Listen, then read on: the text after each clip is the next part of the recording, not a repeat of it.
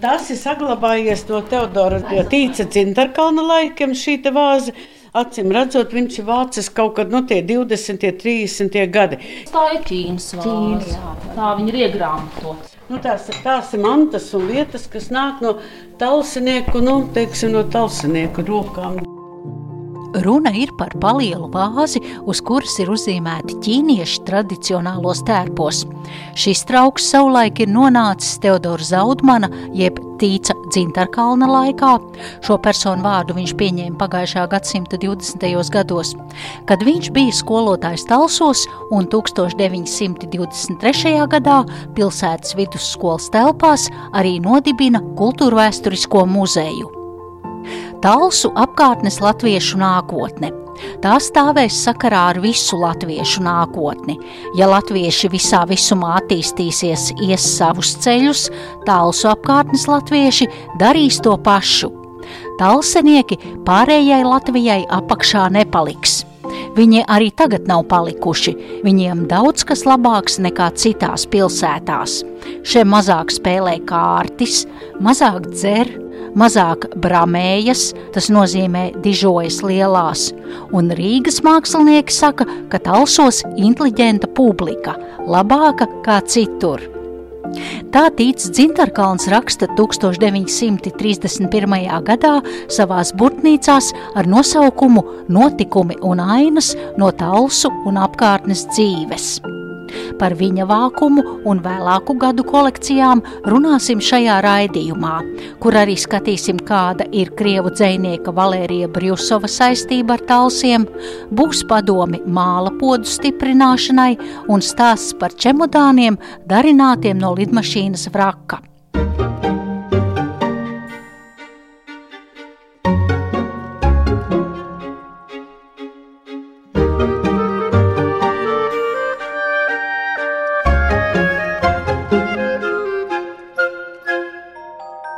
Vietu, lietas, muzeju krātuvēs.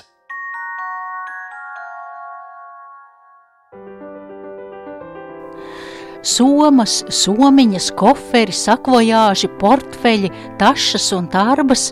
Tāds skats paveras Talsu novada muzeja krātuves pirmajā nodalījumā, uz kurieni mani ir aizvedusi muzeja galvenā speciāliste vēstures jautājumos Inese Vempere.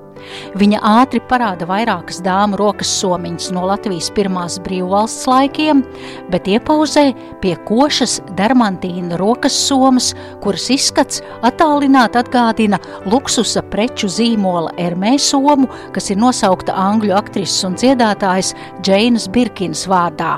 Tikai šo somu rotā Latviju raksti te man pilnīgi izskatās kā filmas rekvizīti. Somas, čemodāni, portfeļi. Nu, tā viņš arī dzirdēja. Bet viens bija pavisam interesants. Šīs viena kundze, kura tausa būtēji orķestrī spēlējusi, nu, viņa atdod šo somiņu, atdeva mums muzeja krājumā. Nu, liekas, nu, kas tas dermantīna tāds. Bet dziesmu svētku simtgades somija tāda bija visiem dziesmu svētku dalībniekiem soma. 1973. Jā, gadā? Jā. Tādus izsniedza, vēl tur bija, laikam, man liekas, lakatiņš un no tīkliņš un kaut kas tāds. Bet šāda te summa. Ne, tas jau tagad ir dizaina priekšmets. Nu, bet tās varētu būt dizaina priekšmets ar visam tautiskajām zīmēm, būtību kā sprēslīts te blakus. Un sprēslīts taču Talsu muzejā jums taču. Mums ir bagātākā kolekcija. Es parādīšu vēlāk. Dermantīna rokas soma. Un virsū ir sprēslīts zīmējums un šādu vai visiem dziesmu svētku dalībniekiem. Es saprotu, ka visi visiem ir dots. Līdzās šai somai muzeja krājuma nodaļas vadītāja Ona Kaudze vērš manu uzmanību uz koferiem, kas ir darināti no metāla. Tā ir liecība par izsūtījumu. Tad šis zilais čemodāns taisīts no avarējušas lidmašīnas, ja karkasa. Čemodāns ir paliela izmēra, alumīnija čemodāns, zilgans Un nevis to, ka kāds ir nokrāsojis, bet tā ir savulaik bijusi lidmašīna. Jā. Koferi piederējuši Jānim Orniņam, gatavoti no lidmašīnu vrakiem, kuri atradās dzīves vietas tūmā izsūtījā Krasnojārskas novada Ilanskas rajonā. 1941. gada 14. jūnijā Jānis Orniņš tika izsūtīts no Rēzeknes apriņķa Barkavas pagasta. Atbrīvots viņš tika 57. gadā un šie koferi ir izgatavoti neilgi pirms braukšanas mājās, tātad tajā Sibīrijā. Bet eh, viņš ir no Rēzeknes, bet atgriezies pēc tam Talsos. Viņš atgriezies, viņa ir tāda slavenā dzimta orniņa. Viņa bija pati daļa mata meistare. Mēs saprotam, ka tai dzimtajā pusē viņa nedabūja, viņa atnāca uz laucienas pusi dzīvot visi. Un šis ir viens kofers. Jā.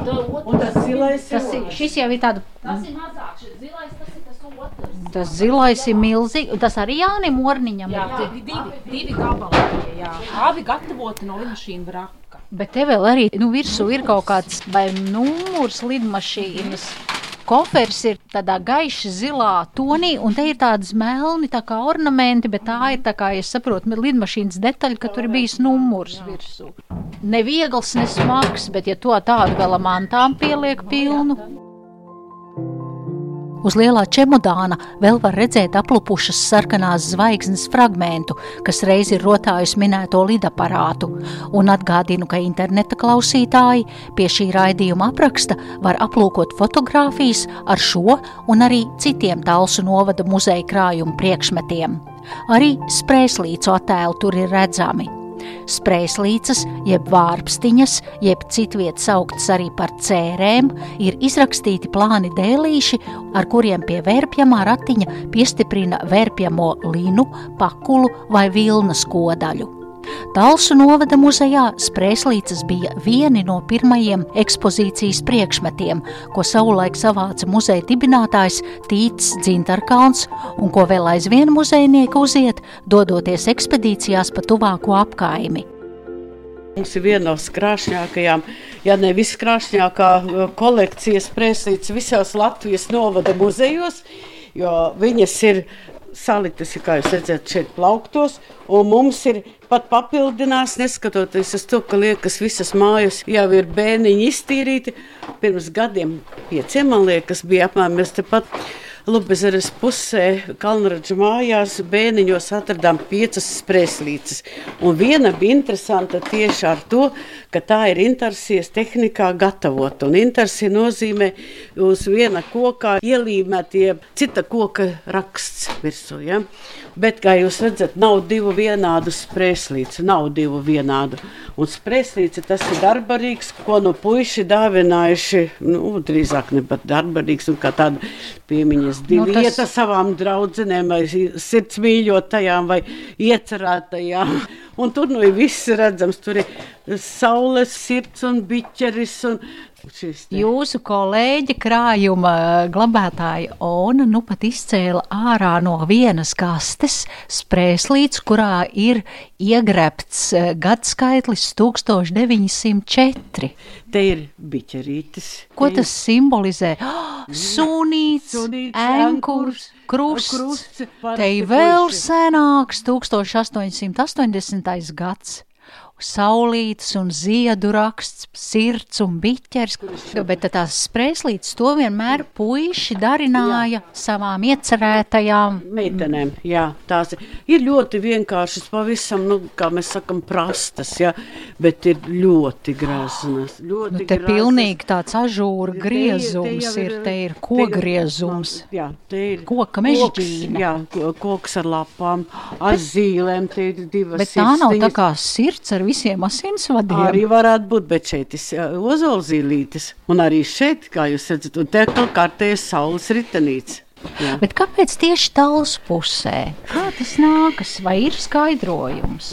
Es neesmu atradusi nekur tādu. Jums taču arī ekspozīcija. Mums ir ekspozīcijā, un es saku, mēs katru gadu ceļš, nu, senākos laikos, kad braucām vēl, tas gan padomu laikos, ja pa ciemiem braucam vākt materiālus. Tad bija tās saucamās kompleksās ekspedīcijas. Gan arī katrā mājā tāda ir saglabājusies. Nu, es nezinu, kāpēc tā Nu, čaklas vērpējas bija un tieši. Varētu būt diezgan, jā, lai gan talsu raksti un tautas starpa brunči un viss pārējais, jā, ar, ar rokdarbiem diezgan krietni nodarbojušās ir. Jo taču vērpjamie ratiņi tā ir vecpiebalga. Nu, jā, tās Bet tās sprēslīca ratiņu gatavošana. Tur bija dzimtas, kas gatavoja vērpjamos ratiņus. Šeit ir tā, ka ties vērpjamais ratiņš ir ikdienas priekšmets, jo galu galā, ko saima pa vakariem darīs televizoru glāstām un mobilo, nav ir sveča gaisma, nu, vai tāda, ja? Tad kaut kas ir jādara, meitām pūrs jāgatavo.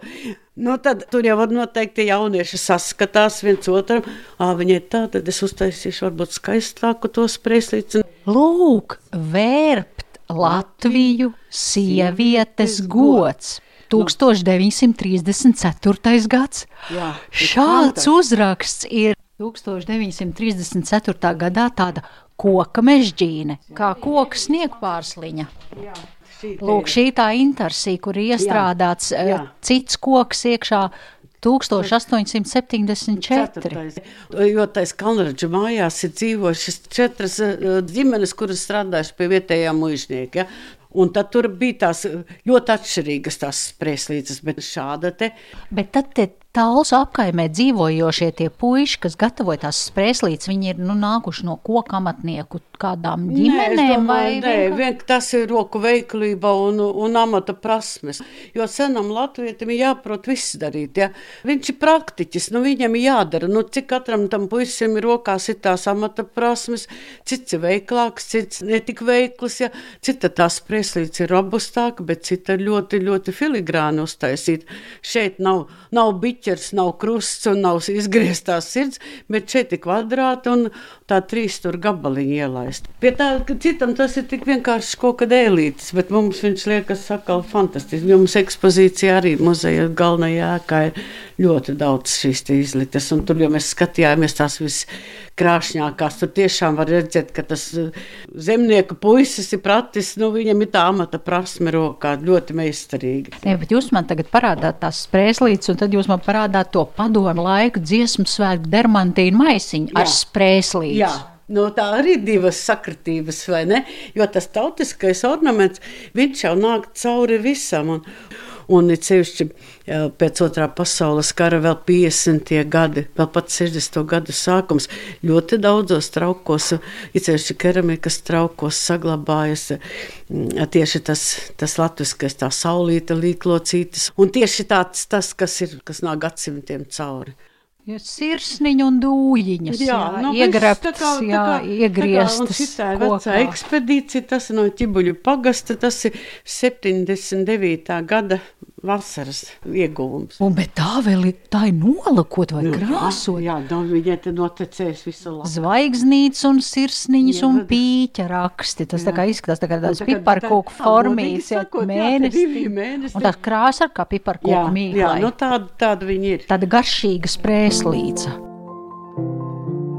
Pēc raidījuma ieraksta krājuma nodaļas vadītāja atsūta ziņu, ka ir noskaidrojusi, kāpēc uz tik daudzām sprēslīcām ir iegriezts cēnkurs. Tas esot uzticības un paļāvības simbols.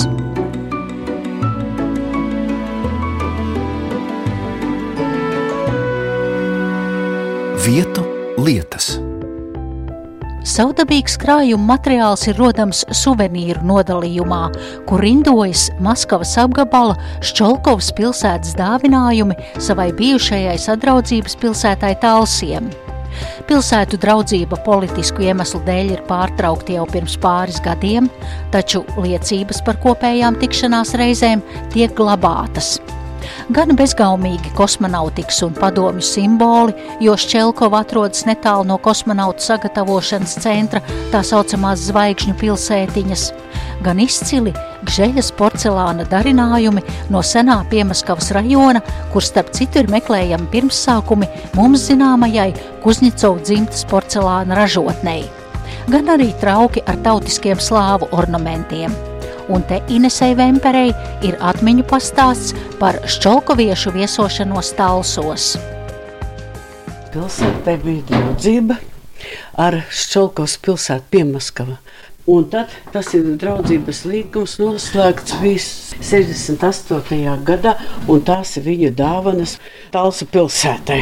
Draudzība pārtraucās pirms gadiem četriem politisku iemeslu dēļ, bet tai pašā laikā viņi, kad brauca, viņiem bija tāda pat pietāta, man jāsaka, pret mums. Ja?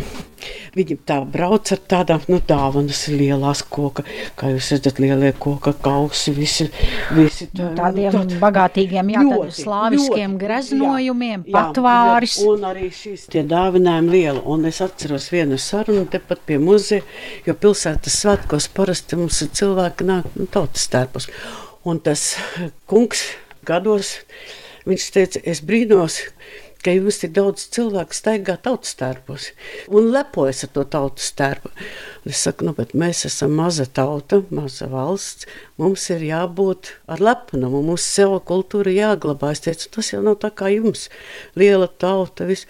Viņš teica, lielai tautai ir vēl grūtāk savu kultūru saglabāt, ja viņai liekas, ka viņi ir lieli un viņi nejūt to robežu, kur viņi paliek mazi.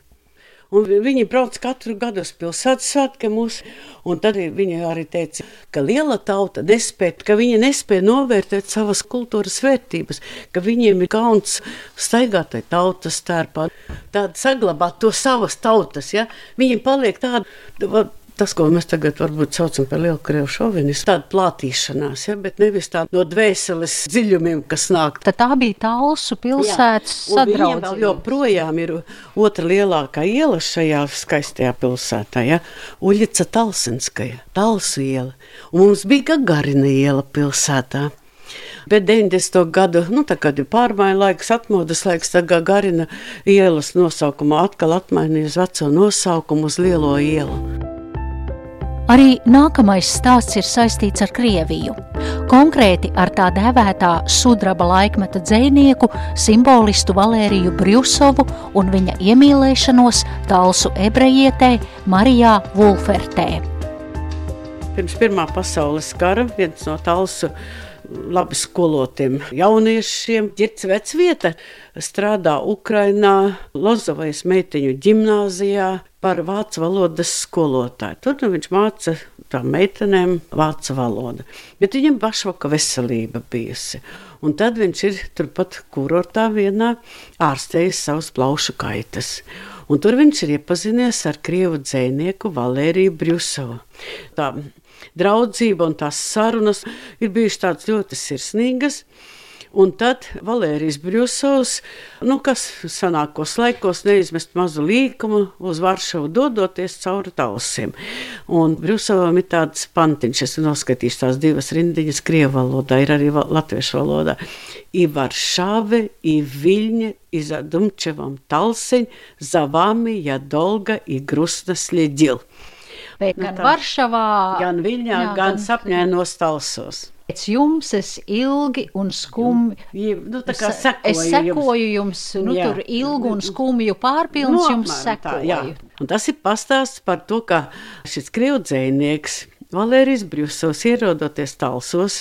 Viņš ir pietiekami slavens savā laikā, nu, bijis, un arī tajā laikā, jo viņš ir kā avīzes korespondents arī piestrādājis. Un talsos, protams, pie tādiem pārtikušākiem ļaudīm tiek uzaicināti ciemos, un viņi tur viesojas. Un ir bijusi tur, kur tagad talsos ir mūzikas skola, tur ir bijis Vulfertu ģimene piederējis tāds augļu dārziņu veikaliņš. Un viņš tur arī svinībās nonāk. Bet tai Wolferta ģimenei meita skaista. Nu, acīm redzot, ne tikai skaista, bet arī tāda ar savu šarmu, ar izglītības līmeni, kas šo krievu dzinieku saveldzinājusi. Divas nedēļas Valērijas Brīvsos nodzīvo talsos, un divu nedēļu laikā meitenei prāts sagrozīts, sirds ir pārpildītais mīlis, un viņa dodas Valērijam Brusovam līdz uz Varšavu. Tas viss notiek pirms Pirmā pasaules kara.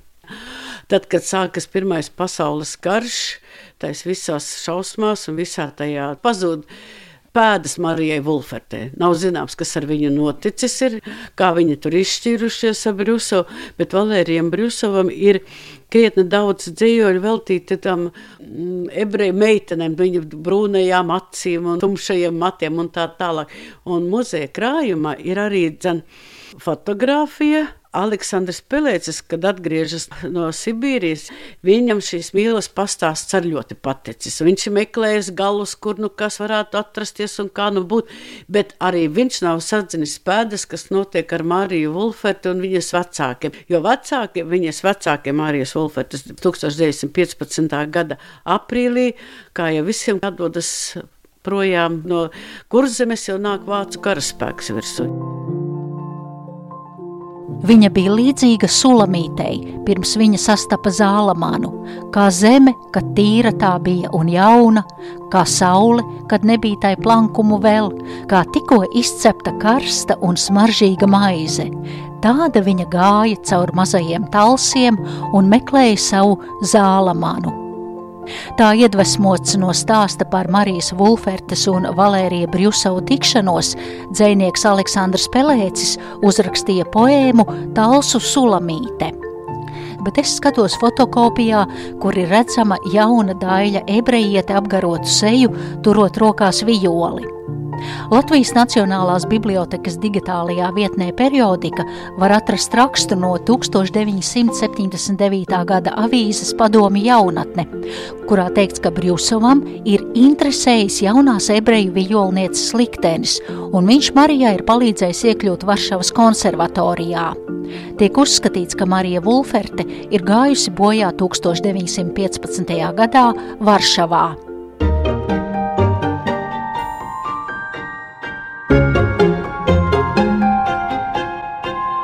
Vietu lietas. Pēc romantiskiem stāstiem atkal pievēršamies praktiskai sadaļai. Raupji, podi un bļodas, kas vairāk praktiskai vajadzībai domātas, ne skaistumam, un par to arī liecina bērza tāsīm nosaitēts pots. Katrā Latvijas ģimenē ir māla trauka, un senākos laikos māla traukos jau glabā visu, ko vien var saglabāt. Bet no Latvijas vienmēr visos laikos ļoti taupīgs. Un arī, nu, ko tu iesmaksā to naudu vienmēr un pirkt tos pudus, tad mēs no iegādājamies vai plēšam bērzam tās. Un es nekad nezināju, kā to, to bērzu tās apstrādā, bet tā, ka es biju pagājuši gadu mažēķu muzejā Lietuvā, un mums tur arī bija nodarbība, tad izrādās tā, lai bērza tās būtu mīksta.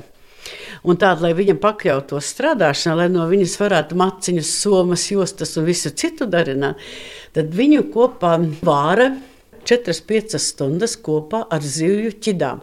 Tur ir galvas, astes, asakas, nesmiedot. Kā teica tā muzeja, mažēķa muzeja pedagoģi, viņa teica, nekas nesmird, bet viņš vērās lēni, bet viņas tiešām nu, ir pēc tam viegli strādāt ar šo bērnu stāstu. Tur kaut kāda ķīmijas brīnums, acīm redzot, ir. Un mums muzejā ir divi tādi podi. Viens ir šeit, un otrs ir izlikts izstādē, kas top no māla. Jo no māla var visu kaut ko izveidot, ja, bet šeit ir lielie podi. Ir krējuma podi, piena podi un, un, un, un ievārījumiem un mediem un sālītām sēnēm un kam tik viss nevajag. Tā, un es skatos uz lielu vēderainu podu divām osām, un tas viss pods ir ievīstīts, aptīts ar bērza tāsim, krustu šķērsu. Te var redzēt, re, ka tas pods ir jā, ieplīsis, jā. un tāpēc, bet tas ir kaut kāda pagājušā gadsimta. Tas ir 19. gadsimta, un jā, jā, tas domāju. Tik sens? Nu, tas ir 1890. gadi. Tā pagātne glabājas Talsu muzejā, bet tā dibinātājs Teodors Zintarkalns 1931. gadā par nākotni rakstīja šādas rindas – būs Eiropas Sociālistu Valstu Savienība. Sāksies jauna dzīve, jauni tehniski sasniegumi, brīnišķīgi atradumi un izgudrojumi. Nevajadzēs ne zemi, ne lopus kopt. Visa satiksme notiks pa gaisu, visu redzēs, dzirdēs un uztvers.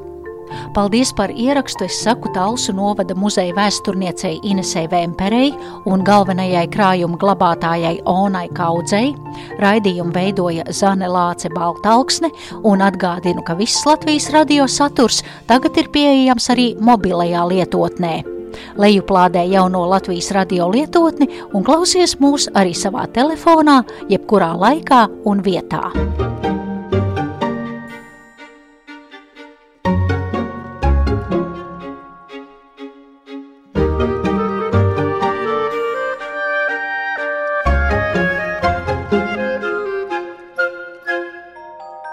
Vietu lietas muzeju krātuvēs.